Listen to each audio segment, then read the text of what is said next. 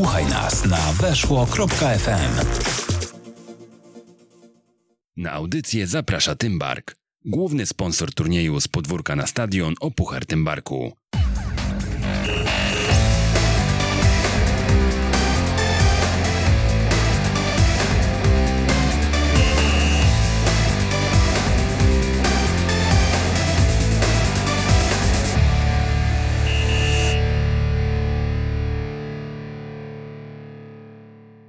Jak uczyć futbolu 145. Przemysław Mamczak, witam serdecznie. Witam serdecznie w nietypowym odcinku Jak uczyć futbolu, a nietypowym dlatego, że 31 lipca 2021 spotkaliśmy się we Wrocławiu na trenerskim meetupie. E, na tym spotkaniu mm, pojawiło się ponad 100 szkoleniowców z całej Polski, kilku zaproszonych przez nas gości, prelegentów, e, wykładowców, e, których na co dzień znacie z różnych konferencji, szkoleń czy pracy w największych, największych piłkarskich klubach w Polsce i wszystkim im z tego miejsca raz jeszcze pragnę serdecznie podziękować, podziękować za poświęcony czas, podziękować za to, że mogliśmy się spotkać e, we Wrocławiu, przybić piątkę, pogadać o szkoleniu, pogadać o piłce, pośmiać się i spędzić po prostu miły wieczór. Ja mam nadzieję, że wy mówię tutaj do osób, które we Wrocławiu się pojawiły, spędziliście ten czas równie dobrze jak ja. Mieliśmy sporo zapytań o nagrania paneli dyskusyjnych, które podczas tego meetupu się odbyły. E, no i chcemy Wam wyjść naprzeciw. Nie chcieliśmy komunikować tego wcześniej, bo oczywiście nagranie w takim miejscu, w którym odbywał się meetup, czyli w zajezdni Dąbie, starej zajezdni tramwajowej, e, nie jest proste. Nie jest proste nagranie tego w jakości radiowej, w jakości takiej, żebyście dzisiaj w ramach podcastu mogli sobie odsłuchać odcinek i, no i po prostu czerpać z tego przyjemność. E, dlatego czapki z głów e, dla Dawida z czasoprzestrzeni, który wziął byka za rogi i zrobił to, mam wrażenie, naprawdę na wysokim poziomie. No i tutaj dla Piotrka Radio, który, który już weszło FM obrobił cały plik na e, naprawdę e, niezłym poziomie. Myślę, że e, słuchając tego nie będziecie w jakiś mocny sposób poirytowani ty, tą akustyką, tym echem, które, które towarzyszyło nam podczas panelu. E, oczywiście gdzieś tam w tle może być słychać jakiś tramwaj, który towarzyszył nam co 40 minut. E, natomiast Natomiast e, myślę, że koniec końców wyszło całkiem nieźle i mm, to, o czym rozmawialiśmy na scenie, zostało przekazane w taki sposób, że e, można dzisiaj się do tego odnieść i sobie tego odsłuchać. E, na początek panel pierwszy Mózg, czyli przyszłość sportowego sukcesu. Ten panel, w którym uczestniczyli Tomasz Wilczewski i Jakub Sage, to jego za chwilkę będziecie w stanie odsłuchać, e, będziecie mogli sobie mm, nadrobić zaległości, jeśli we Wrocławiu was nie było, a jeżeli byliście, no to po prostu być może powtórzyć e, ten materiał, ale zanim uruchomimy ten materiał, e, chciałbym powiedzieć o prezencie, o którym w trakcie e, na scenie wspominał Kuba. Przykłady i zakres oceny czterech testów kognitywnych przed rozgrzewką drużynową. To, o co e, najwięcej było pytań w kuluarach, a także arkusz obserwacji meczowej i treningowej oraz model wyobrażeniowy PetLab. To są pliki, które Kuba udostępnił dla naszych słuchaczy i które możecie standardowo pobrać na ekstratrener.pl ukośnik newsletter. Jeżeli jesteście zapisani, e, oczywiście pliki te dotrą do Was mailowo. Raz jeszcze dzięki e, za to wrocławskie spotkanie, dzięki e, za przyjazd e, do nas i mam nadzieję, że zrobimy sobie jakąś taką małą tradycję i każde wakacje będziemy po prostu w stanie trochę czasu zarezerwować właśnie na to, żeby w trenerskim gronie, w tym środowisku, w którym się obracamy, spotkać się i spędzić dobry czas. Tymczasem, nie przedłużając, mózg, czyli przyszłość sportowego sukcesu.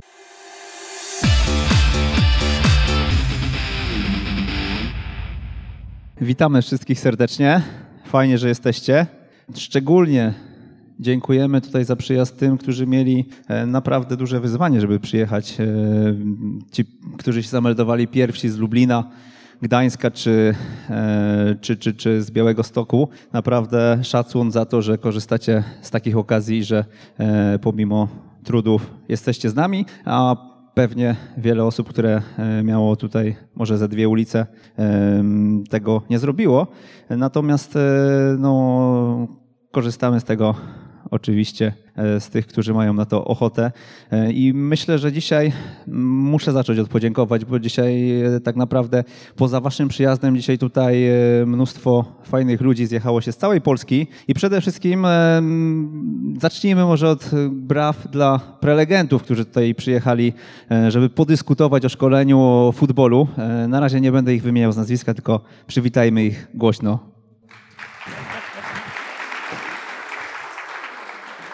Jak widzicie tam w narożniku e, jest ekipa FC APA, jest tutaj też przy stolikach ekipa ProTrain APA, także e, jakichś naszych partnerów, z którymi e, jak najbardziej możecie też podyskutować i o futbolu i o wykorzystaniu ich możliwości, możliwości tych, które oferują w swoich, w swoich produktach. E, słuchajcie, nie krępować się, jeśli chodzi o jakieś piwko, nie będziemy tutaj sztywnej atmosfery wprowadzać. Śmiało można już korzystać z baru. Każdy na wejście dostał dwa vouchery. Jeżeli ominęliście jakoś to wejście, to nadróbcie ten temat. Mamy ściankę do zdjęć, jakieś tam hasełka, z których też możecie korzystać i też śmiało można to w tle gdzieś tam robić. A na zewnątrz, jak ktoś szuka jakiegoś wzmocnienia pożywienia, to tam food truck też stoi i można z niego korzystać. No i chyba pora, żebyśmy zaczęli. Co Paweł, czy coś dodajesz? Jestem zaskoczony, że wszystko zapamiętałeś, także e, nie przedłużając, dziękujemy jeszcze raz wszystkim za obecność i życzymy owocnego czasu.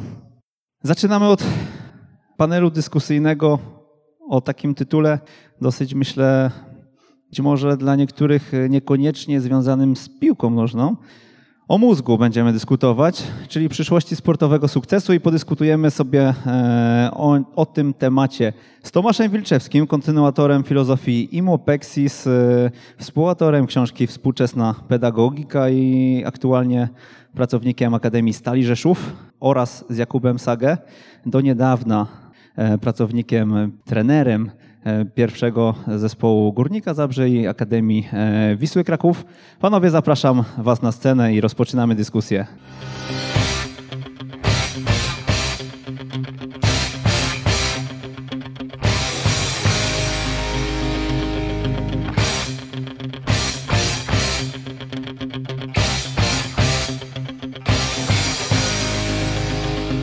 Witamy Was jeszcze raz. Słuchajcie, e, ja dodam tylko, że chcielibyśmy, żebyście to wy uczestniczyli w tym panelu i e, żebyście wykorzystali obecność naszych gości. Dlatego, e, jeśli ktoś ma jakieś pytanie, ręka w górę i będziemy tutaj, pewnie Paweł będzie krążył z mikrofonem, żeby, żeby te pytania zadawać. Także jeżeli coś, coś Was zaintryguje, to śmiało. Panowie, Kuba, do Ciebie, do ciebie pierwsze pytanie, bo Ty od takiej naukowej strony mocno podchodzisz do tego szkolenia piłkarskiego. E, rozmawialiśmy o neuromotoryce, jak uczyć futbolu. E, no i dzisiaj jesteś tutaj, żeby znów e, pokazać nam trochę tego, co w najnowszych badaniach się o szkoleniu mówi i o tym, jakie trendy w świecie funkcjonują. Po pierwsze, witam wszystkich, dziękuję e, za zaproszenie, e, jest mi bardzo miło. Jeżeli chodzi o to naukowe podejście, nie do końca się, czy nie do końca się zgadzam, bardziej tą e, część naukową staram się do praktyki sprowadzać. Uważam, że każdy, kto jest świadomy, powinien jak naj, najwięcej, czy e, jak najbardziej e, mieć chęci, jak najwięcej chęci do rozwoju, także to, ta nauka raczej, raczej jest sprowadzana od razu do praktyki. Dzięki Tomkowi, czy profesorowi wcześniej Hucińskiemu staraliśmy się to jak najbardziej od strony praktycznej przedstawiać. E, także no, myślę, że Tomek może troszeczkę więcej powiedzieć, jeżeli chodzi o wykorzystanie tego w praktyce. Za chwilę pewnie porozmawiamy o tym, bo chciałbym, żebyśmy przedstawili to, to holistyczne podejście do, do treningu, w którym zawodnik jest e, jako upodmiotowiona jednostka, a wszystko dookoła powinno być skupione na nim. Przemek od razu zaczął od pytań i tak dalej, nie pozwolił porozmawiać, a luźna atmosfera miała być. Bardzo nam miło y, przywitać Was, poznać. Jesteśmy do, do usług razem z pozostałymi trenerami do północy, to po pierwsze.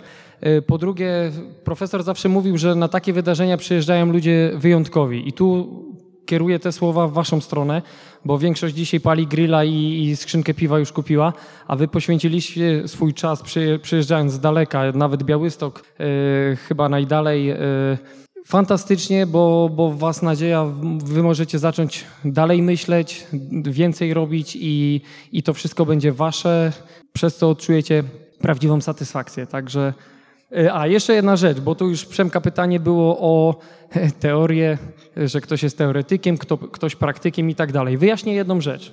Z metodologii badań naukowych. Każdy z Was jest teoretykiem i ma pełne prawa do badań poprzez obserwacje. To tak jak w chemii, jeżeli naleję żółty płyn i czerwony, wyjdzie mi pomarańczowy. To jest Twoje badanie ty jesteś obojętnie, czy psychologiem, czy, czy w teorii treningu coś odkryłeś i tak dalej, bo zaobserwowałeś coś. I teraz cała sztuka, żeby codziennie obserwować. Drugi czynnik w metodologii to jest parametr. Obserwacja lub parametr. Jeżeli zmierzyłeś to czymś, to jest równie ważne, ale, tak, ale, ale nie więcej ani mniej od tego, co zauważyłeś. Więc gratuluję Wam wszystkim, że jesteście teoretykami kultury fizycznej przez praktykę. Gdybyśmy się cofnęli tak ze 20 lat wstecz, to myślę, że mało kto mm, nie zakwestionowałby tego.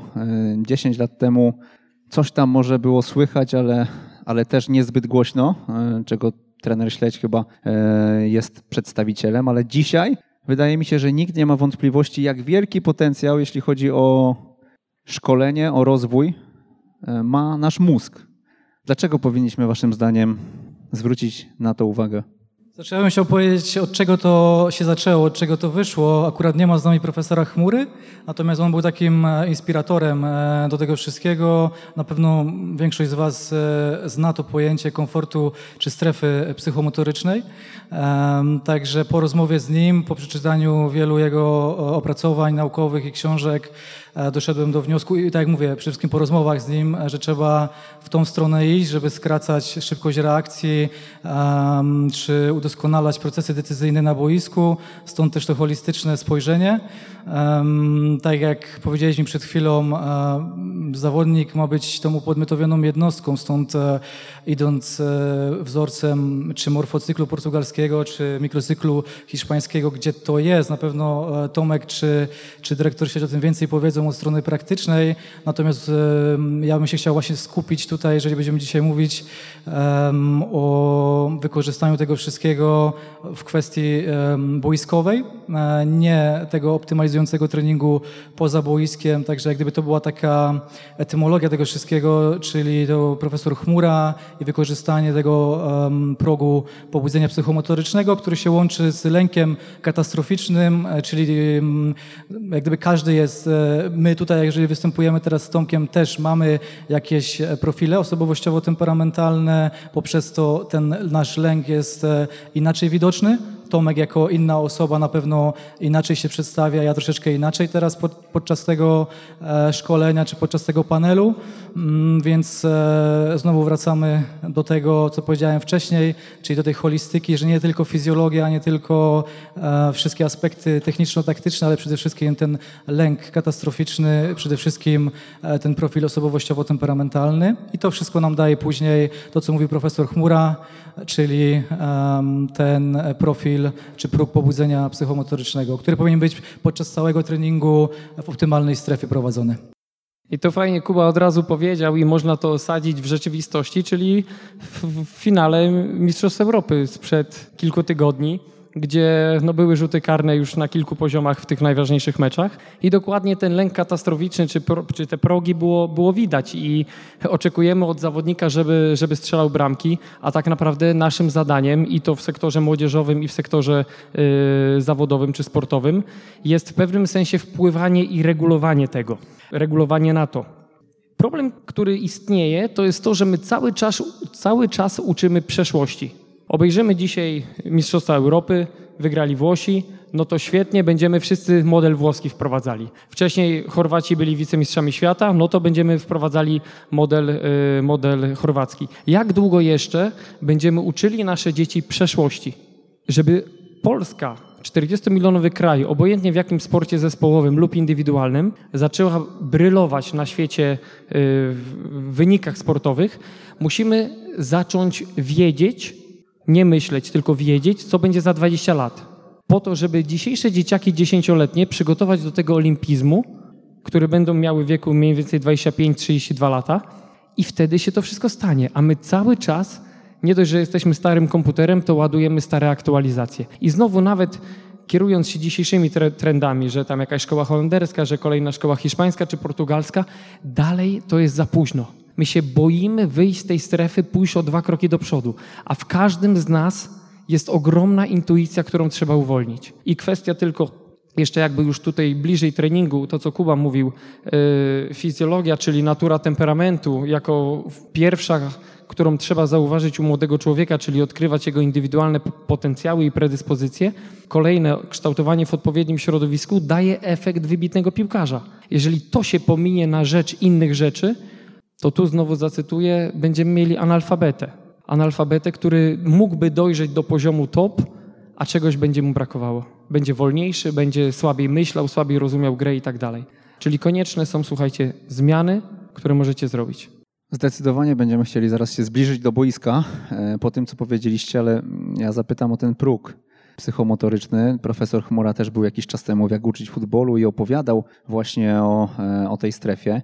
Powiedz Kuba, jak ty postrzegasz te jego wypowiedzi, bo właśnie on uważa, że piłkarz może tych strefach przebywać przez pełne 90 minut, jeżeli za tym pójdą jakieś tam zmiany taktyczne i tak dalej. E, jak to z perspektywy fizjologii właśnie twoim zdaniem wygląda? Tak, ja się zgadzam w 100% e, z profesorem Chmurą, dlatego że profesor Chmura, e, tak jak powiedziałem na samym początku, ma to holistyczne spojrzenie, to nie jest tylko i wyłącznie sama fizjologia. Jeżeli sama nazwa już mówi, że jest to próg pobudzenia psychomotorycznego, więc nie możemy patrzeć na intensywność tylko i wyłącznie z, mm, z perspektywy z perspektywy HR czy z perspektywy um, zakwaszenia mięśnia. E, natomiast e, jeżeli znamy profil osobowościowo-temperamentalny zawodnika, to jesteśmy w stanie tak kierować zmiennymi e, boiskowymi, żeby tego zawodnika utrzymać w tym optymalnym, optymalnej strefie pobudzenia psychomotorycznego. Fajny przykład ostatnio dostałem akurat z Bayernu Monachium, gdzie no to był przykład Dawida Alaby, który ma profil osobowościowo-temperamentalny SI albo IS, już nie pamiętam dokładnie z rozmowy, albo nie zrozumiałem do końca. Jeżeli, e, jeżeli on, kiedy straci piłkę, czy, czy popełnia jakiś błąd, e, na jakiś czas wychodzi z tej uwagi e, swojej szerokiej zewnętrznej i przechodzi do uwagi wewnętrznej, a że jego zawodnicy są świadomi jego profilu, świadomi są tego, jakie, jak, jak go z tego wyprowadzić, to przegrywają na przykład w, treningu wiadomo, że łatwiej, w meczu troszeczkę trudniej, przegrywają z nim łatwiejsze piłki, żeby on się od razu odbudował. Dzięki temu jest w stanie e, w tym profilu e, czy tym progu psychomotorycznym optymalnym e, przebywać. Profesor Chmura też o tym mówił w momencie, jak się bada ten próg pobudzenia psychomotorycznego. Numer jeden to jest praca, wiadomo, zwykła fizjologiczne, wyznaczenie fizjologicznych progów, natomiast do tego później dochodzi poznanie właśnie tego profilu osobowościowo-temperamentalnego i na to nałożenie, czyli na tą fizjologię nałożenie odpowiednich reakcji. E, no to o tym na pewno Tomek może troszeczkę więcej powiedzieć, jeżeli chodzi o, o, o sam ten profil. W ogóle ja mam najfajniej w tym, w tym tercecie, bo tak, Przemek musi się zastanowić, o co zapytać. Kuba odpowiada no, trudne rzeczy, a ja tylko powtarzam po nich tak naprawdę po naszemu, więc y, lubię, lubię tą rolę, mam najłatwiej.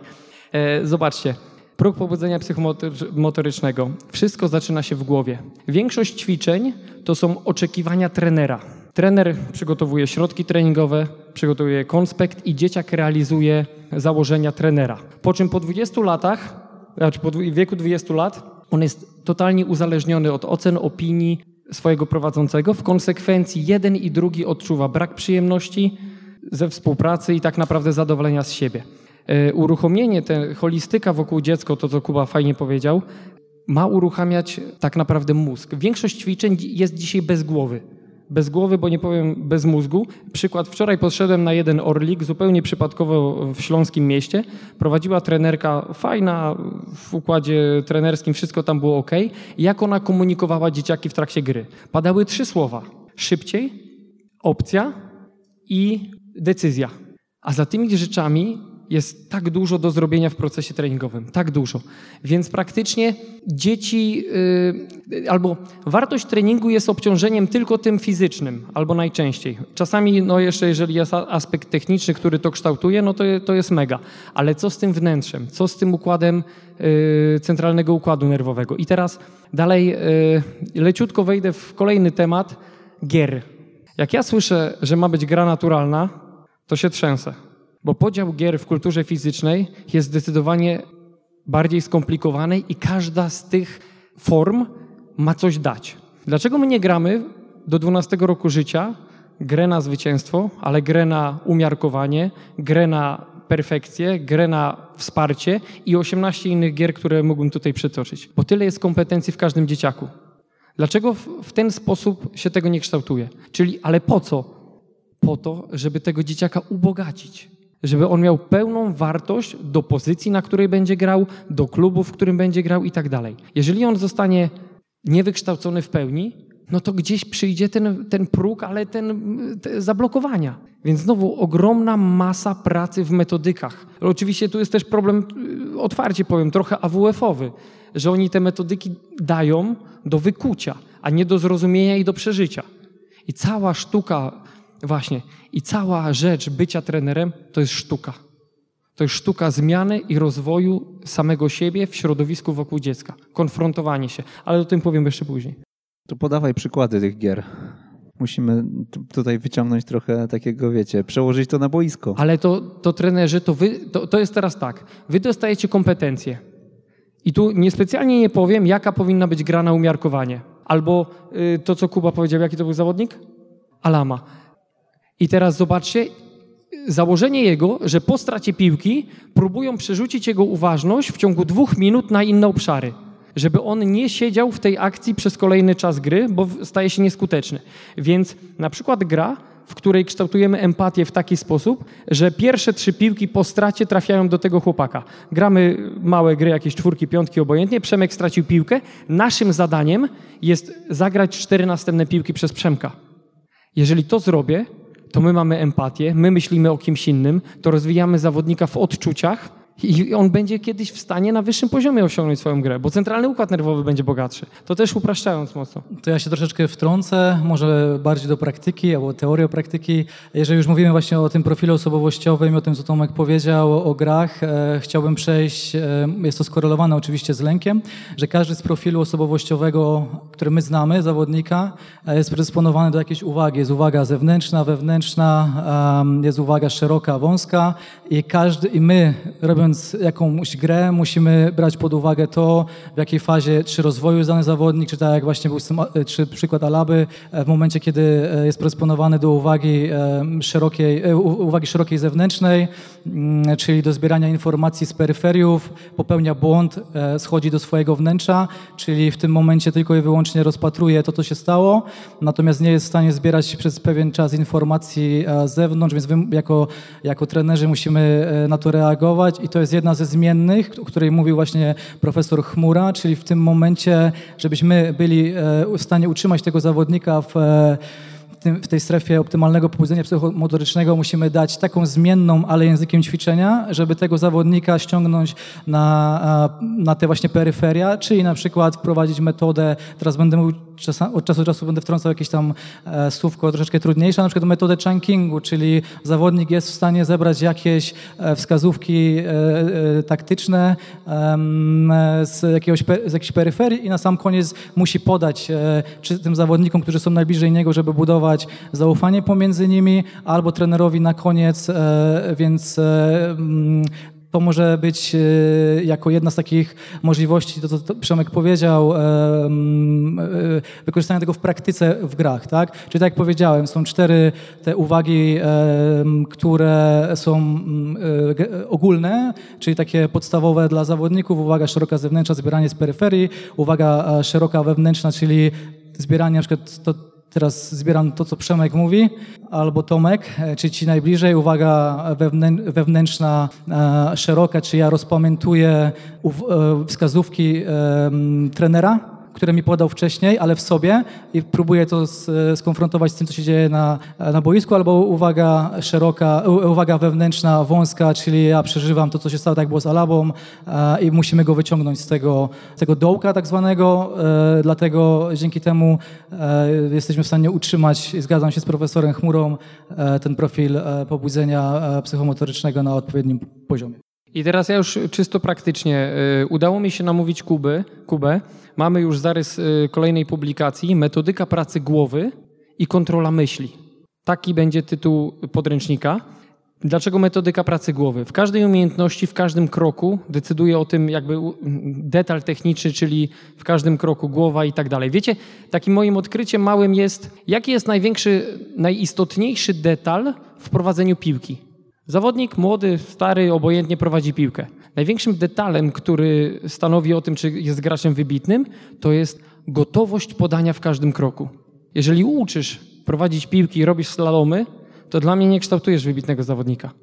Jeżeli on nie ma możliwości podania w każdym kroku i później nie ma w tego w nawyku, gra tym na podświadomości, to już czegoś mu nie dałeś i będzie mu brakowało. I teraz ten chunking, który Kuba mówił, połączenie tych wszystkich uważności jest fundamentem do tego. I teraz proste, prosta konstrukcja zwykłego ćwiczenia, ja już nie mówię na ile w nim jest decyzyjności, przewidywania czy, czy rozumienia gry, ale najprościej, metodyka kształtowania odczuć. W pierwszej kolejności podaję do Kuby. Poda a właśnie, czym się różni podanie od kopnięcia? Większość dzieci na początku kopie do siebie, a nie podaje. Więc dlaczego później na poziomie reprezentacji czy, czy jakichś supermeczy wie, wiemy, że podają, a nie, że kopią do siebie. Często mówimy, że kopanina jest właśnie w tych odczuciach. No i teraz jak to, jak to kształtować? Podaję do Kuby w momencie, kiedy jest na to gotowy. Zaczynam nim myśleć. Później szczytuję jego szczegóły, mówię jego imię, czyli szczytuję, czy jest gotowy, czy jaki ma szczegół, czy ma koszulę, czy ma buta takiego, czy innego i tak dalej. Kolejna rzecz, podaję do Przemka, ale dalej szczytuję Kubę. Kolejna rzecz, podaję do Przemka, odwrotnie podaję do Kuby, szczytuję Przemka, czyli mam ten wariant, później dokładam swojego obrońcę, później nadbudowuję, nadbudowuję, później jest każda kolejna zmienna w przód, w tył, w bok, w prawo, lewo z kolejnymi obrońcami. I dopiero kiedy macie ćwiczenie, obojętnie jakie, które doświadcza, dotyka zawodnika w pięciu, siedmiu elementach postrzegania, no to to jest bogate ćwiczenie. Pamiętam, jak Kuba mi pierwszy raz to powiedział, że Lewandowski, zanim wbiegnie w pole karne, szczytuje dwóch obrońców, dwa światełka w rogach boiska i dwóch zawodników przed polem karnym, które podaje do siebie. Czyli ma siedem zmiennych, które wspólnie ze sobą coś odgrywają i dopiero decyzja względem tych siedmiu zmiennych jest yy, jakaś wykonywana. On jest wtedy szybszy, bo się tego nauczył. A u nas za każdym razem wejdziesz i jeszcze z błędem. No to na koniec może podamy ten przykład, bo jest e, bardzo ciekawy. Nie wiem, Przemek, chcesz jeszcze coś no ja za chwilę będę prosił o trochę bardziej zrozumiałe konkrety dla mnie.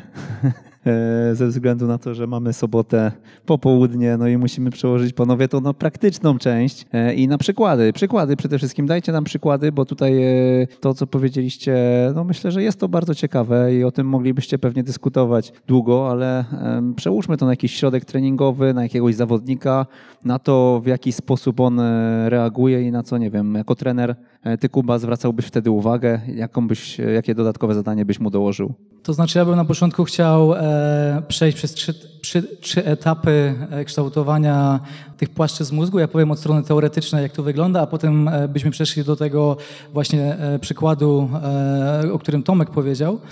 Ja bym chciał tylko powiedzieć, skąd się to wzięło, bo może niektórzy tu będą zainteresowani tym Human Brain Connectom, czyli mapowaniem mózgu. W Stanach Zjednoczonych to 20 lat trwało, jeżeli chodzi o sport, z różnych dyscyplin naukowych, no to jeżeli chodzi o sport, w to było zaangażowane NBA.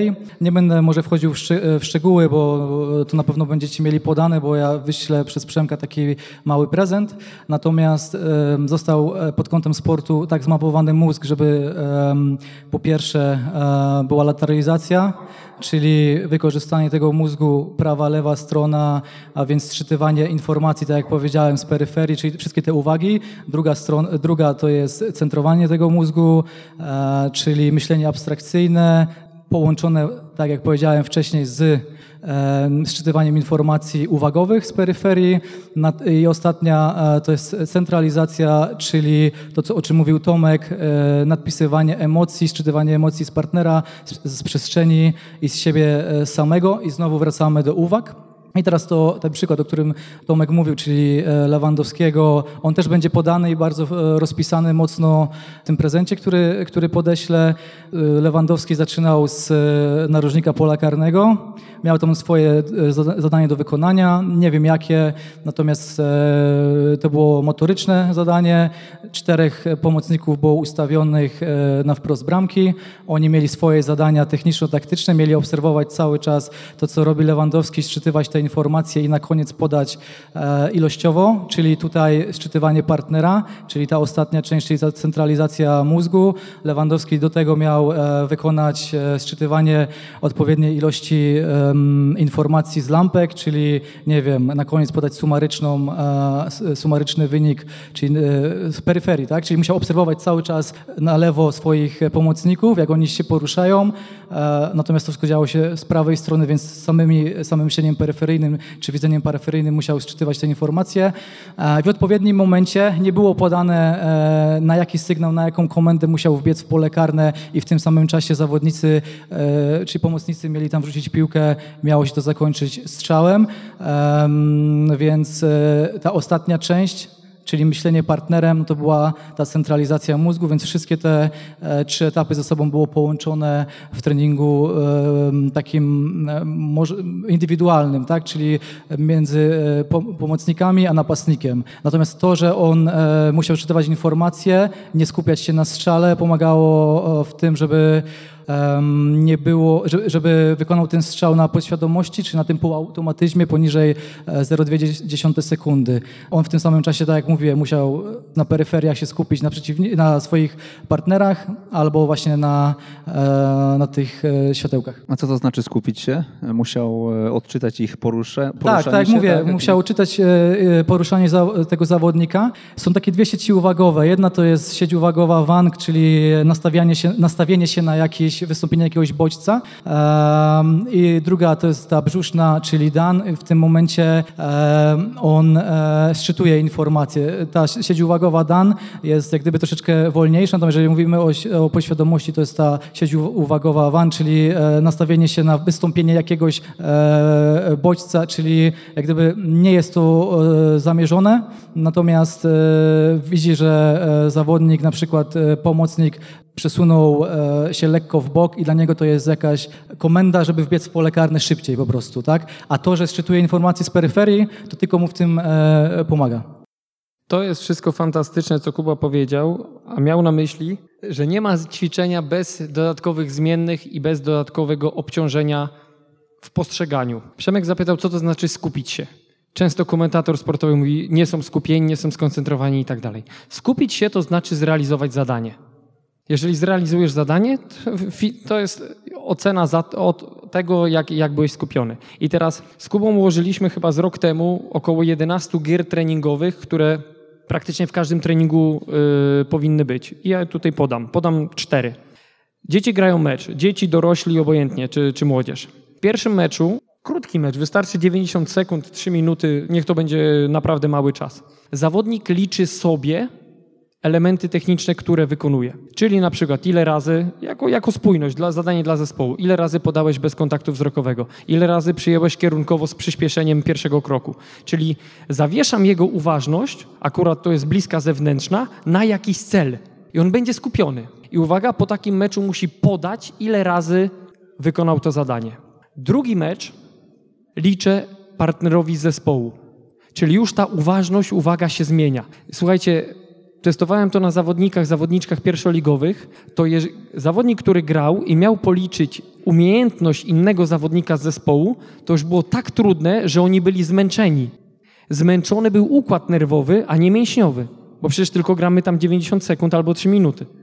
Niesamowita rzecz. W trzecim meczu dzieciaki miały liczyć przeciwnika, czyli już gdzieś zostało zawieszone moje postrzeganie, postrzeganie partnera i jeszcze liczę przeciwnika. Czwarta gra to był scenariusz do zrealizowania wspólnie, czyli Przemek, Kuba i ja. ustalamy, ile zrobimy danego ruchu.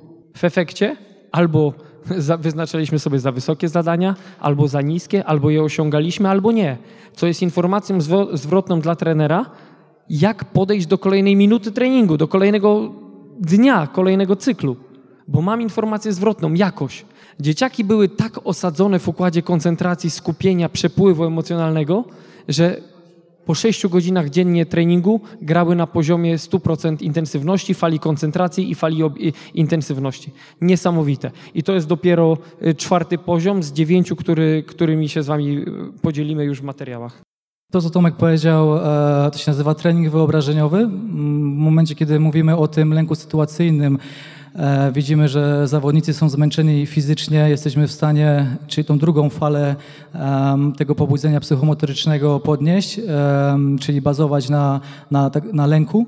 Mm, trening wyobrażeniowy, to, co, to co, ten przykład, który Tomek podał, jest bardzo ciekawy, dlatego że e, składa się z trzech etapów. Pierwszy etap, e, wprowadzanie takiego sztucznego lęku, że zawodnicy i świadomości też zawodnika, czy zawodników, e, strzelam teraz, gra 4 na 4 e, mają do wykonania jakieś zadania, są świadomi, ile są w stanie w jednostce czasu zawodnicy wykonać e, uderzeń na bramkę, podań, e, czy podań penetrujących, zdobywających przestrzeń.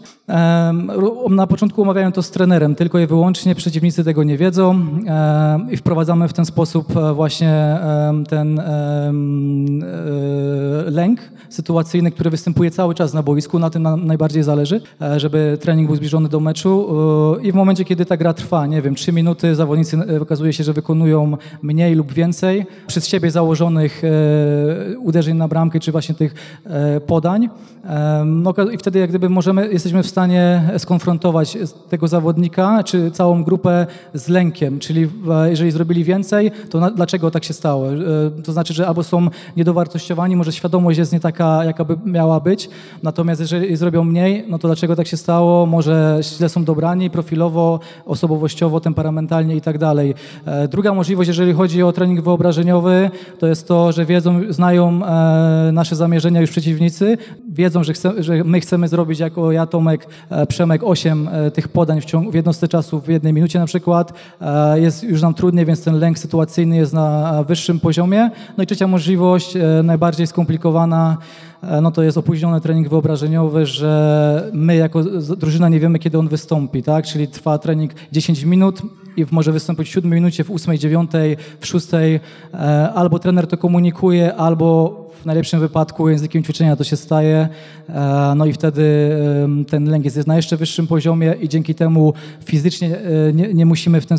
E, zawodnicy są w stanie przełamywać ten overloading robić, tak? czyli fizyczne przełamanie tych swoich barier właśnie w zasadzie układu nerwowego, zmęczenia układu nerwowego, a nie zmęczenia fizjologicznego, więc to, co powiedziałem na początku, profesor Chmura nie miał na myśli tylko i wyłącznie tych parametrów fizjologicznych, ale też zmęczeniowe układu nerwowego, dlatego też w najlepszym najlepszych, może trochę odejdę od tematyki, w najlepszych klubach świata e, odchodzi się od HR, nawet się odchodzi od, od e, badania mleczanu, a bardziej się skupia na wolnych kwasach nukleinowych, czy właśnie na, na transkrypcji mikroRNA, bo to pokazuje całość zmęczenia e, organizmu, nie tylko tego z punktu widzenia fizjologii, ale też układu nerwowego. Ja trochę Przemkowi dokuczę, bo wiem, że jak ma dokuczone, to, to lepiej funkcjonuje.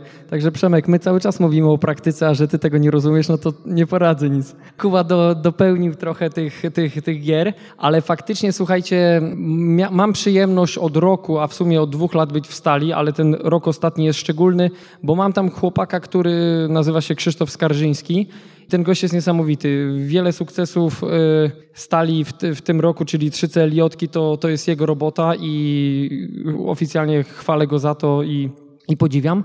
I brał mnie na treningi indywidualne z taką grupą wyselekcjonowaną i pokazał mi, pokazywał mi, jak się y, pracuje na zachodzie, plus y, plus pozwolił mi w pełni dopełniać tego procesu. I niesamowite wnioski z tych treningów wychodziły. To były godzina w tygodniu, a, a wnioski niesamowite, które później konsultowałem z Kubą i wychodziły piękne rzeczy. Okazało się, że młody zawodnik w ogóle nie realizuje swoich oczekiwań w treningu.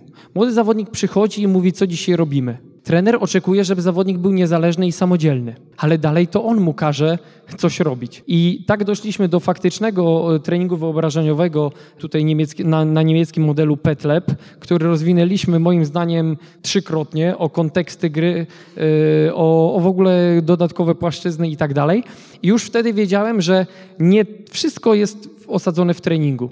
Cały My jako ludzie jesteśmy niesamowicie predysponowani do wyobraźni. Każdego wieczora przed snem możemy sobie fantazjować o różnych rzeczach i robimy to na różne sposoby. I tak zawodnik, jeżeli będzie miał odpowiednie umiejętności w tym, będzie się rozwijał 24 godziny na dobę. Więc też się podzielimy, jak będzie czas treningiem wyobrażeniowym, Kolejno struktura jednostki treningowej, które są różne, różne modele na świecie, każdy, każdy gdzieś tam widzi blaski i cienie tego i wiedziałem, że musi być coś trzeciego. Coś trzeciego to jest ocena treningu i meczu. I takie struktury oceny, osiem struktur meczu, od oceny poznawczej, kreatywnej, bio, aż do bioenergetycznej, bioenergetycz, wiecie o co mi chodzi, też mamy już osadzone w kontekstach. Jeżeli się tego nie robi, to trening jest jałowy. To są, zrobimy zawodnika wydmuszkę, a później podziwiamy, że gdzieś na świecie, tak jak w koszykówce jest Luka Doncic. 22-letni chłopak, ledwo biega, gruby i tak dalej, a wszyscy mówią, że niesamowity. Tylko nie ma oceny, skąd się to wzięło. I teraz ocena i droga to jest cała kuby wiedza, której Przemek nie rozumie, włożona w praktykę.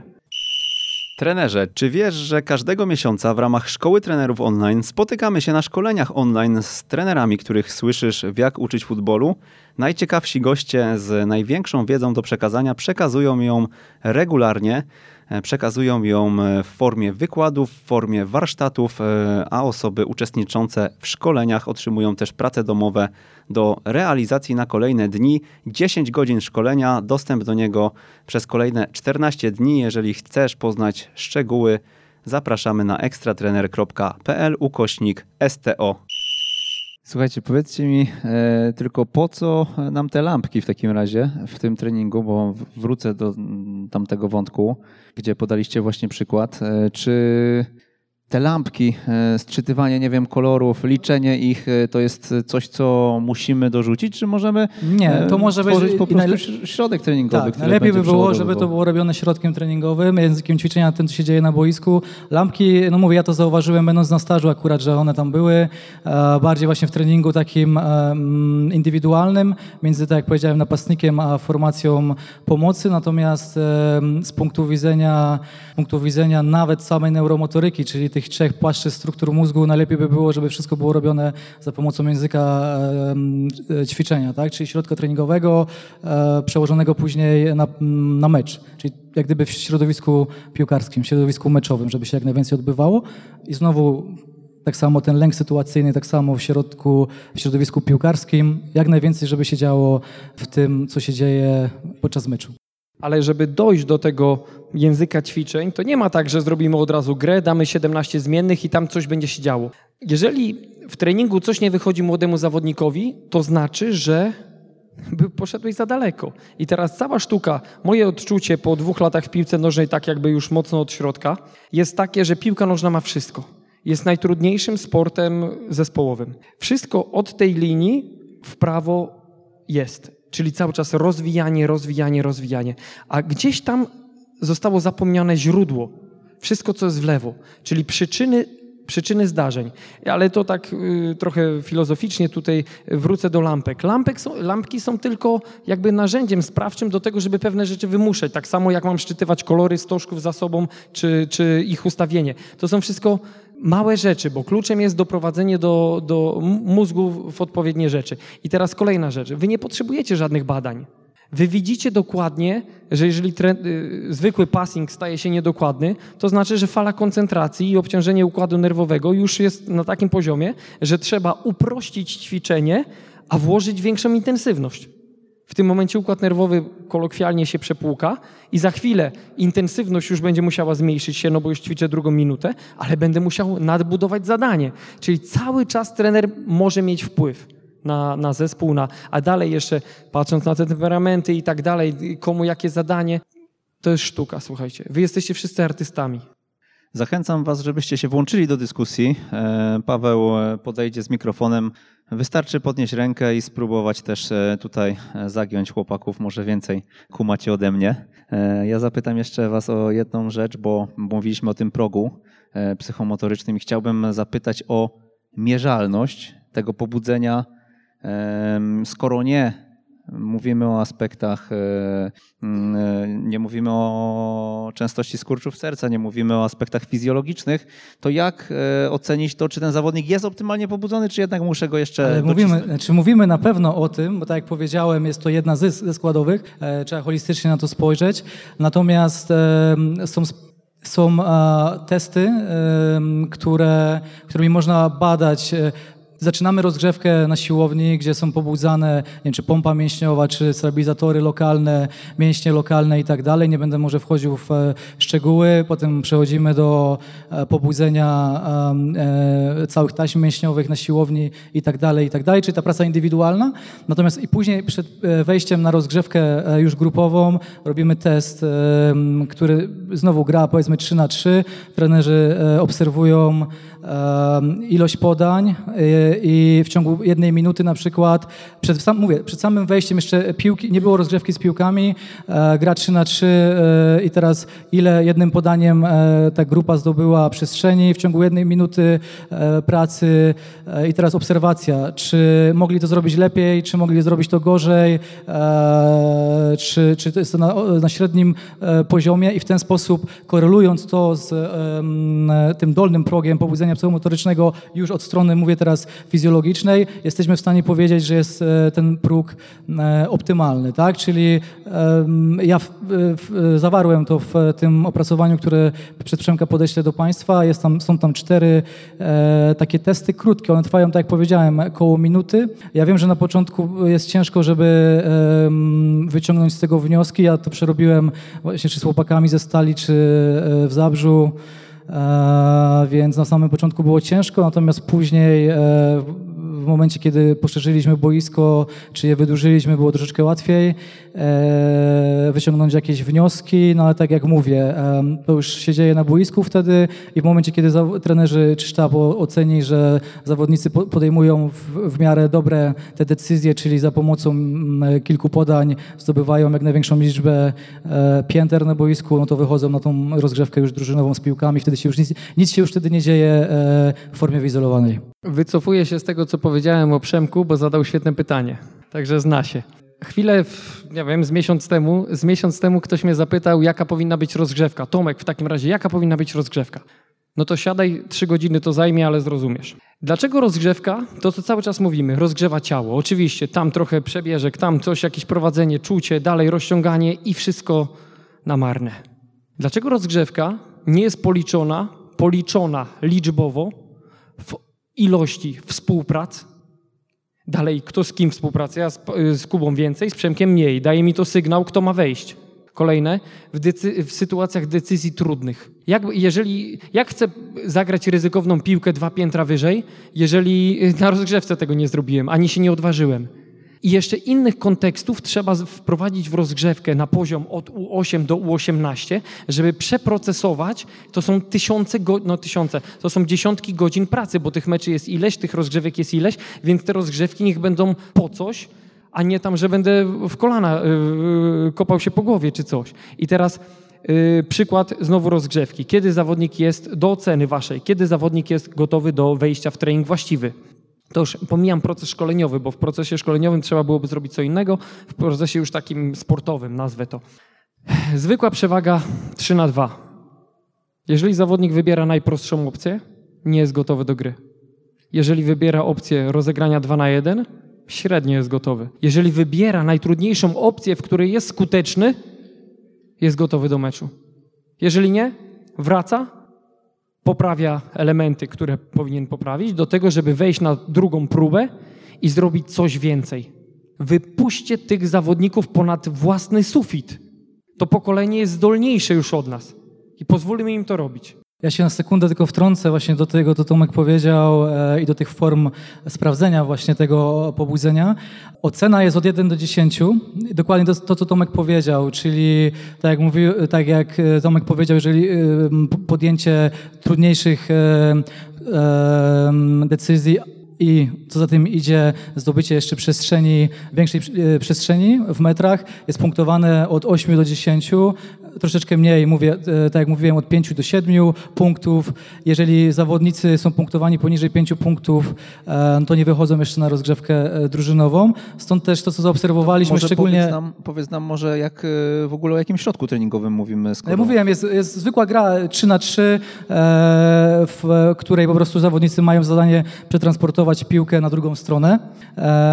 No i tak jak Tomek dokładnie powiedział, oceniane jest ryzyko, które podejmują zawodnicy i za pomocą jednego, czy tam dwóch, czy trzech, to wszystko jest z trenerem ustalone, e, podań, muszą jak największą liczbę e, przestrzeni zdobyć, tak? I w tym momencie jest ocena od 1 do 10. Poniżej 5 nie wychodzą. Jak gdyby dobierane są e, te trójki za pomocą albo profilu osobowościowego, albo tego, jak, jak ze sobą współpracują na boisku. No i teraz zobaczcie, zwykłe 3 na 3 w układzie trzech różnych modeli zachowań, czy temperamentów, czy osobowości, no bo to jakby zachowania są sumą tych wszystkich rzeczy, z innym obciążeniem daje inny efekt. Nie chodzi o to 3 na 3, 4 na 4, czy inna przewaga, czy niedowaga. Chodzi o to, co się dzieje w ćwiczeniu. To tak jak Igrzyska Olimpijskie. Jak ktoś ogląda Igrzyska Olimpijskie dla tych dwóch centymetrów skoków dal, czy metrów innych, czy, czy w ogóle wyników, to w ogóle nie ogląda Igrzysk to wyłączcie telewizor. Przeczytajcie później w internecie, jakie były medale. Igrzyska olimpijskie się ogląda przed, przed yy, wysiłkiem i po. Yy, łuczniczka polska. Mówię, ja pierniczę, tragedia będzie. Wszyscy komentatorzy, medal i tak dalej. Ja patrzę, dziewczyna umalowana, spięte włosy, wszystko, makijaż perfekcyjny, brew zrobiona, usta tego, dwa paznokcie czerwone, dwa zielone, w sensie dwa białe, dwa czerwone, czyli flaga, wszystko pięknie umalowana i pierwszy strzał w dziesiątkę. Ja mówię, o, po zawodach. Co ona sobie w środku pomyślała, gdzie ona już myślała, że już stoi na pudle i w ogóle przyjmuje medal?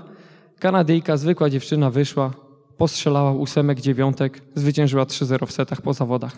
I siedzą psychologowie, trzeba mieć psychologię, jak chcesz być w komitecie olimpijskim, yy, jechać na igrzyska. Psycholog, coach i akredytacja tego yy, PKOL-u. Tyle musisz mieć, żeby nie wiedzieć, że żeby sobie paznokci nie malować. Tak dla przykładu. Ja wrócę tego krótko jeszcze znowu do tego środka e, testu psychomotorycznego 3 na 3 w momencie, kiedy e, sztab trenerski ocenił, że zawodnicy mają e, liczbę punktów powyżej 5. Koreluje się to z tym, co mówił profesor Chmura, czyli z tym dolnym progiem fizjologicznym. Jeżeli mówimy o HR, ewentualnie o wszystkie komponenty krwi. W momencie, kiedy wszystko ze sobą się zgadza, wypuszczamy zawodników na rozgrzewkę już drużynową, która powinna być na odpowiedniej intensywności. E, więc no, tak wygląda pokrótce sprawdzanie tego pobudzenia psychomotorycznego zawodnika e, w tej wersji holistycznej, którą profesor Chmura e, w ten sposób postrzega, a jest ona źle, źle, interpretowana może też przez AWF-y właśnie w formie książkowej, że musi być 160 uderzeń na minutę i wtedy dopiero zawodnik wychodzi. Także jest to taka, to holistyczne spojrzenie od e, fizjologii poprzez emocje do kwestii techniczno-taktycznych. To co, nie chcecie pogadać z nimi? Dawajcie pytania, bo kolejna okazja jest nie wiadomo pytanie. kiedy będzie. Zapy zapytajcie, jak to wszystko mierzyć, jak się jest samemu na treningu i trzeba prowadzić grupę w pojedynkę. Witam, Żygut Filip. E, mam pytanko odnośnie tej gry 3 na 3 Mówimy o wy wyborze opcji zawodnika z piłką, tak? I zawodników, którzy mu towarzyszą w tej grze. Mówimy tylko i wyłącznie, oceniamy w tym momencie zawodnika, który ma piłkę. Okej. Okay. I jeżeli on... To jeżeli e, da nam złą opcję zawodnik e, e, nasz z obok, czy nasz partner, albo mógłby dać lepszą, nie jest to brane pod uwagę. Oceniamy tą jak gdyby, decyzję tego zawodnika z piłką w tym danym momencie. Jeżeli mógłby mieć lepszą opcję daną przez partnera, no to już to, to jak gdyby nie jest to brane pod uwagę. Okej. Okay. No i... a, a, ja się zupełnie nie zgodzę z tym. Mich powinien być najpierw szkolony zawodnik bez piłki. W jego grze, w jego zmian tempa, zatrzymaniach, hamowaniach, zwrotów, kierunków i tak dalej, po to, że on widzi więcej zmiennych. Dziesięciu ludzi gra bez piłki. Do, jeżeli się nie nauczymy w końcu grać bez piłki, to, to, to nie wejdziemy też na wyższy Ale poziom. mówimy teraz o ocenie O- zawodnika. o tym teście to tak. Mówimy tak, o ocenie zawodnika, natomiast nie o ocenie całej drużyny w tym momencie, nie? Więc jeżeli nam dał źle, złą opcję e, nasz e, no, kolega z drużyny, nasz partner, no to nie jest w tym momencie wina nasza. My mamy ocenić e, naszego zawodnika, ja to tak przynajmniej postrzegam, a nie e, całą drużynę w tym momencie. Całą drużynę nie, ale jeżeli jest z piłką Kuba i dwóch jest bez piłki, to osobny test idzie dla tych bez piłki. Okej. Pytanko moje jest, załóżmy, że zawodnik e, wybiera taką opcję, że wchodzi w dribbling, nawet z dwoma czy trzema osobami i robi to skutecznie. Jaka jest ocena? I to jest ocena e, wyższa. Najwyższa, czyli najważniejsze jest to, żeby zagranie było skuteczne. Że- Tak, żeby zagranie było sposób? skuteczne, żeby zawodnik był kreatywny. Ja się całkowicie nie zgadzam z tą opcją. Dla mnie ta ocena jest najniższa. Dlaczego? Bo jeżeli kształtujesz tylko jedną kompetencję i chciałbym to wymusić, czyli jakby, co, tak naprawdę nie zrobiłeś gry 3 na 3 Ale zrobiłeś ja nie mówię, ja nie mówię Tak, że jakby ja zrobiłem, tylko zawodnik podejmuje jakąś Tak. decyzję, tak? I Jest- jest... ona skuteczna. I co w tym momencie, bo mamy teraz konflikt. Trener mówi, że najwyższa, trener mówi, że najniższa. Jeżeli moim celem było tego testu stworzenie sytuacji, w których umiejętności gry z piłką 1 na 2 dają przewagę, mogłaby być najwyższa. Jeżeli mówimy o piłce nożnej, to dla mnie to jest najniższa ocena. Yy, Ja bym jedną rzecz chciał jeszcze tu powiedzieć, yy, jak doprowadzić do tego progu psychomotorycznego. Też nie dokładnie, ale tak, żeby, żeby było. W momencie, kiedy zawodnik realizuje oczekiwania trenera, uruchamia się mózg tylko lateralnie prawa, lewa półkula, czyli wykonuje polecenia lub przyjmuje polecenia lub przekazuje. Najprostsza, najprostszy układ. Tu y, Mateusz bardzo mocno idzie w ten układ y, rozumienia gry, gdzie tak naprawdę uruchamia przód i tył, czyli jest centrowanie mózgu. I tam są wszystkie procesy decyzyjne i tak dalej, czyli zmiana, wielokrotna zmiana obszaru treningowego, czyli czekajcie, jeszcze na chwilę się cofnę. Forma ścisła, na momencie. Jest 11 form prowadzenia formy ścisłej. Jeżeli jest prowadzona tylko po to, żeby pokopać o ścianę lub cokolwiek innego zrobić, no to jest źle. Totalnie źle. Ale masz tyle form metodycznych do prowadzenia tego, żeby podróżować po całym oceanie tak naprawdę mózgu. Kolejno wchodzisz w układ ćwiczeń, w układ gier, w układ przewidywania ruchu, decyzji ruchu, podejmowania tego wszystkiego i tak dalej, rozumienia gry. Wtedy wchodzisz już w kolejne obszary mózgu. I trzeci, najwyższy stan, to jest pra- praca góra-dół, czyli centrowanie mózgu. I wtedy jest potrzebne to tętno, fala koncentracji, intensywności na wysokim poziomie i tak dalej. Czyli struktura jednostki treningowej, a tak naprawdę jej nawet części, powinna być zmiennością bodźców, które zawodnik yy, no, łapie. Okej, okej. Natomiast e, ja bym chciał jakby doprecyzować ten temat, bo ja jakby nie neguję tego, że to ćwiczenie jest złe, dobre i tak dalej, tylko chciałem się dowiedzieć po prostu, że jeżeli jakiś trener układa ćwiczenie bądź jest jakiś test, on ma jakieś cele. A tak jak tutaj Państwo powiedzieli, cele ma zawodnik też. I one nie muszą być kompatybilne z celami trenera. Nie muszą, a często nawet nie są. I w tym momencie, jeżeli dajemy taką grę, i pewne rzeczy narzucamy, to ja tutaj bardziej się zgodzę z kolegą obok, że jeżeli ten zawodnik zrobi to skutecznie, na przykład po, grając po trójkącie, okej. Jeżeli okiwa dwóch, trzech i zrobi ten cel, też okej. I Piłka- dlatego powinno być 18 gier o różnym charakterze. Jeżeli, problem jest właśnie taki, że 90% gier by były pod ocenę skuteczności, bo została strzelona bramka lub został wygrany pojedynek 1 na 1. A trzeba całą sztukę przerzucić na to, co jest najdalej od piłki. Proponuję, żebyś zaczął patrzeć na swój trening, czy mecz jakikolwiek, który będziesz, znaczy nie ty, bo to dla nas wszystkich, żeby patrzeć najdalej od piłki. Tam się dzieją cuda. I tylko trzeba po prostu odstawić na chwilę obserwację tego na rzecz tego, co się dzieje z innej strony. I to jest znowu, e, piłka jest na przykład przy linii bocznej, 22 zawodników wszyscy patrzą na piłkę. Jeżeli ty, trener, jako 23 osoba też patrzysz na piłkę, to nie zobaczysz piłki nożnej. Ty zacznij patrzeć na wszystko, co się dzieje wokół. Tam jest bogactwo. I tam wystarczy, że zmienisz centrum gry trochę dalej, trochę dalej, a najlepiej najdalej od piłki i zmienia ci się cała jakość wydarzeń, które, które, które się dzieją. Okej, okay, a nie uważa trener, że trzeba wybrać moment, kiedy zacząć tak dalej patrzeć, czy od samego momentu, od samego początku można tak patrzeć? 100% racji i o tym będą mówili kolejni prelegenci w priorytetyzacji taktycznej. Kiedy, co i dlaczego. Na pewno. Panowie, to ja zapytam jeszcze na koniec, czy pewnie Kuba, e, który gdzieś tam po e, niemieckiej ziemi pojeździł i, e, i, i trochę klubów zwiedził, czy w którymś klubie spotkałeś opracowane testy, wykaz gier z wytycznymi właśnie, z punktacją, już taki gotowy tak, e, produkt, który, który gdzieś tam, nie wiem, może się nie chcą tym te wielkie akademie dzielić, a być może się dzielą. E, gdzie to jest e, poza tym, że w Stali Rzeszów próbowaliście to zrobić i nie wiem, czy próbujecie dalej? No ja nie próbuję, już mnie tam nie ma już długo, natomiast natomiast tak, jest, ja to, ja to wziąłem z Borussii Dortmund akurat, natomiast wiem, że dokładnie te same testy Sevilla stosuje w akademii. Jest w książce, nie pamiętam, nie jestem w stanie powiedzieć, natomiast jest ona w tym wykazie, e, który też, e, tak jak powiedziałem, w tym, tym, w tym opracowaniu, które przez Przemka podeślę. To jest zielona książka niemiecka. Myśmy ją tłumaczyli e, z, z chłopakami właśnie z Rzeszowa na język polski i tam są, jest osiem tych testów, między innymi jest opisane, do czego to służy, jaka jest punktacja, jaka jest ocena, więc weszliśmy w, w taki mały konflikt tutaj. Natomiast ja będę cały czas e, przy swoim zdaniu, e, no ale to mniejsza z tym. Nie pamiętam, jak ta książka się nazywa. Podlinkujemy. Chyba Mem Daniel Memert, ale nie jestem teraz pewny.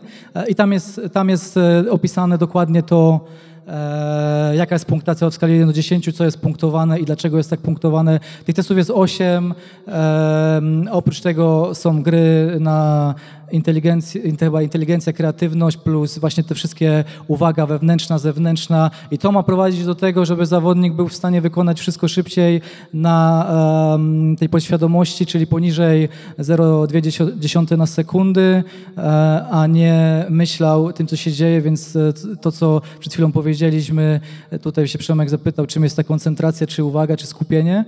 Wszystko ma być to robione na zasadzie podświadomości, więc e, to sczytywanie informacji z zewnątrz ma nam e, w tym pomóc. I to wprowadzenie do podświadomości to jest to, co słuchajcie przy współpracy i tak naprawdę wiedzy profesora przede wszystkim, mojej i Kuby. W 2020 roku w styczniu dostaliśmy e, z Uniwersytetu, z Akademii Nauk Przyrodniczych o, o człowieku e, odkrycie naukowe w dziedzinie szkolenia dzieci i młodzieży, no, procesu, bo to, jak powiedział, teorii treningu, to by od razu się wiązało z, z zawodowstwem, a tutaj teorii szkolenia przy właśnie całych fundamentach pracy mózgu, czyli y, tutaj Petersburg, y, Kowno i, i Hanower y, pomogli nam w tym, że, że mamy odkrycie naukowe w tym obszarze. I to znowu jest konfrontacja i spojrzenie holistyczne, bo wokół tego naszego odkrycia już naukowcy sprawdzają, jak to koreluje się z, ze snem, jak z żywieniem, jak z innymi układa, układami i tak dalej. Czyli daliśmy fundament pod nowe, słuchajcie, pod nowe i to, co przyszłe. I teraz tylko przed wami stoi wybór. Czy dalej będziecie naśladować to wszystko, co ktoś wam powie, czy dalej będziemy we starych wzorcach, czy dalej, a może, czy dalej pójdę po swoje, żeby poczuć satysfakcję, że jestem dobry. Znaczy na pewno to, co powiedziałem na początku, uzupełnię to, co Tomek powiedział też. E, musimy być świadomi tego, że jeżeli tej teorii nie mamy, no to też nie będziemy nigdy w pełni rozumieć to, co robimy, więc stąd też odniosę się do pierwszego, kończąc, odnoszę się do pierwszego pytania Przemka, czy jest to teoria? To nie, e, to nie jest teoria, to jest jak gdyby dla poczty praktyki e, wdrożona, wdrożone formy teoretyczne, natomiast nigdy na odwrót. Mogę jeszcze jedno pytanie? Padło takie zdanie, że mm, dobieram do tej gry 3 na 3 zawodników pod względem temperamentu. I pytanie moje jest takie, czy jest jakiś złoty środek, który pozwoliłby, dobierając pod względem typów temperamentu, mm, wycisnąć z zawodników jak najwięcej, e, jakby ich bodźcować w ten sposób. Wszyscy wiemy, że jest kompensacja, czyli obciążenie, odciążenie, nadbudował się wysiłek i tak dalej. Jestem z, każdego, z każdym treningiem lepszym. Dlaczego nie ma w procesie treningowym układu jestem z Kubą podobny, bardzo się lubimy, zaczynamy pierwszą fazę treningu 10 minut w tej relacji. Ale w drugiej części już współpracuję z Przemkiem, z którym pewne rzeczy mnie różnią. Kolejno obciążam zawodnika jeszcze bardziej do momentu, w którym gram z Krzyśkiem, którego totalnie nie trawię w ogóle w przeciwieństwo moje, że hej, adoptuję się do niego i kolejne dwa etapy wychodzę z tego, czyli się odciążam, żeby trening skończyć na base level, w którym byłem, yy, czyli najbardziej lubię się z Kubą. Czyli obciążenia zmianami zawodników to też jest neuromotoryka. Te obciążenia temperamentalne, że raz muszę grać, ja sam jestem niedokładny, muszę grać z dokładnym. No kurde, przeszkadza mi to jak nie wiem. Wszystko zależy od ciebie. Możesz sobie kształtować to na 100 różnych sposobów, ale, ale monitoruj to. Patrz, co się dzieje. Dalej jeszcze zewnętrzne sytuacje. Jak będę z Kubą w sytuacji komfortowej, zagramy tak i tak, ale jak yy, będzie sytuacja presji, już zagramy inaczej. Jeżeli my we dwóch sobie radzimy, dostaniemy Przemka, też jest ok, ale jak Przemka wy, wy, wygonimy na, yy, za Krzyśka, no to robi się klika, robi się wrogość i tak dalej. Czyli znowu masz ogromne narzędzie diagnozujące, jeżeli tylko trójki zaczniesz dobierać w innym układzie, że gra średni, słaby i, i dobry. Zacznij patrzeć na nich inaczej. Tak, to co Tomek powiedział, ja tylko może dopowiem. Mm, oprócz tego, że są dobierani zawodnicy, czy ten test jest dobierany pod kątem tego, jak oni ze sobą współpracują na boisku, bo grają ze sobą, e, no powiedzmy, w jednej linii, czy w jednym sektorze, e, to przede wszystkim, żeby e, pod kątem lęku sytuacyjnego żeby zintensyfikować ten lęk sytuacyjny, który wystąpi zawsze w meczu, a którego nie da się nigdy odwzorować w 100% w czasie treningu, no to staramy się jak najczęściej dobierać zawodników, którzy mają odmienne profile osobowościowo-temperamentalne w tym teście. Tak jak powiedziałem, nie robi się tego codziennie, bo najczęściej wszystko musi być dopasowane do tego, co się dzieje na boisku, więc najczęściej stosuje się jednak testy, e, które odpowiadają temu, e, jak ci zawodnicy są ustawieni na boisku, ale żeby zintensyfikować od czasu do czasu ten lęk sytuacyjny, który wystąpi w meczu, e, trzeba w tym, w tym momencie popatrzeć na profile osobowościowo-temperamentalne. Są testy i osobowościowe, no to jest test DISC na pewno taki najbardziej znany, jeżeli chodzi o, o testy temperamentalne, no to już trzeba na pewno z psychologiem rozmawiać. Są boiskowe, w, którym się, w których się persewaratywność, czyli powracanie do bodźca, e, nastawienie na, bardziej na przeciwnika niż na siebie e, ocenia e, w, tak samo w grach, bardzo podobnych jak te, które mówiłem, które są opisane w tej, w tej książce. Na tej zasadzie, na zasadzie tych scenariuszy, tych testach, testach pobudzenia psychomotorycznego przed meczem, tak samo się wdraża arkusz oceny temperamentalnej. Dajesz grę naturalną i najczęściej ręce w kieszeni i się tylko ogląda. I patrzy, ale bramek strzelili, ale nie strzelili. Bierzesz, dajesz grę naturalną i sobie patrzysz, kto jakie kompetencje przejawia. Kto, jest, kto się wycofuje z gry, kto lubi się przygotować do dobrej gry, kto chce zrealizować cele, kto jest tylko tam dla innych, kto motywuje innych, kto jest optymistycznie nastawiony, kto czerpie motywację z porażki i dalej, dalej, dalej. I sobie zbierasz informacje o każdym zawodniku, nawet w najprostszej jednej kompetencji i zaczynasz się tym łączyć, bawić i widzisz, co z czym gra, a co sprawia trudności. I to już jest ten lęk katastroficzny, że ja muszę zagrać z tobą, a jesteś kimś nowym. Kurczę, to już dla mnie jest ciężar, ale za chwilę się poznamy, no to zaadoptowałem się. To znów musisz mi dać kogoś nowego do gry i tak dalej. Tak samo z przeciwnikiem. No każdy przeciwnik to nie jest, że mierzymy się w układzie techniczno-taktycznym to się mierzymy w tym, że z kimś wygraliśmy wiele razy, z kimś nie wygraliśmy i tak dalej. Tych sympatyzujemy, tych nie lubimy. Wszędzie są te, te obciążenia neuro. I bez uwzględnienia ich w nowoczesnym procesie, dokąd, do, donikąd dojdziemy. Tak, ja na sam koniec już podsumowując tylko to wszystko chciałbym powiedzieć, że to, co my tu powiedzieliśmy, jest to spojrzenie e, na trening też motoryczny czy neuromotoryczny w wersji boiskowej. Totalnie nie jest tak, że ja neguję jakiś e, e, trening motoryczny w formie wyizolowanej, bo sam jako fizjoterapeuta czy trener motoryki e, też to robię w formie wyizolowanej, nawet w, warunkach jeden na jeden z zawodnikiem. Natomiast uważam, że klucz tutaj w tym wszystkim leży właśnie w tych procesach boiskowych i żebyśmy byli jak najszybsi w tym wszystkim, więc musimy być świadomi, że w momencie, kiedy środek treningowy budujemy, to te osiem składowych musi być ze sobą powiązanych. Przy czym, nie wiem, zawsze 3-4 są gdzieś, e, z, tych, z tego wszystkiego, co tu powiedzieliśmy, powinny być e, najbardziej wy, wyeksponowane. Tomasz Wilczewski i Jakub Sage to byli e, rozmówcy w tym pierwszym panelu dyskusyjnym. Dziękujemy Wam za aktywność. Dziękuję. Dziękujemy. I dziękujemy Wam też za.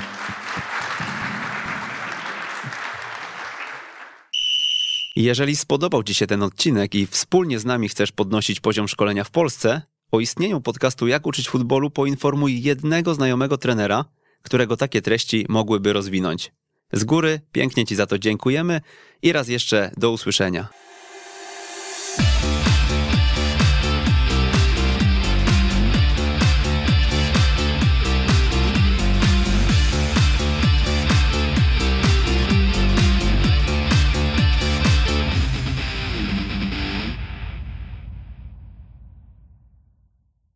Na audycję zaprasza Tymbark, główny sponsor turnieju z podwórka na stadion o Puchar Tymbarku. Słuchasz Weszło FM.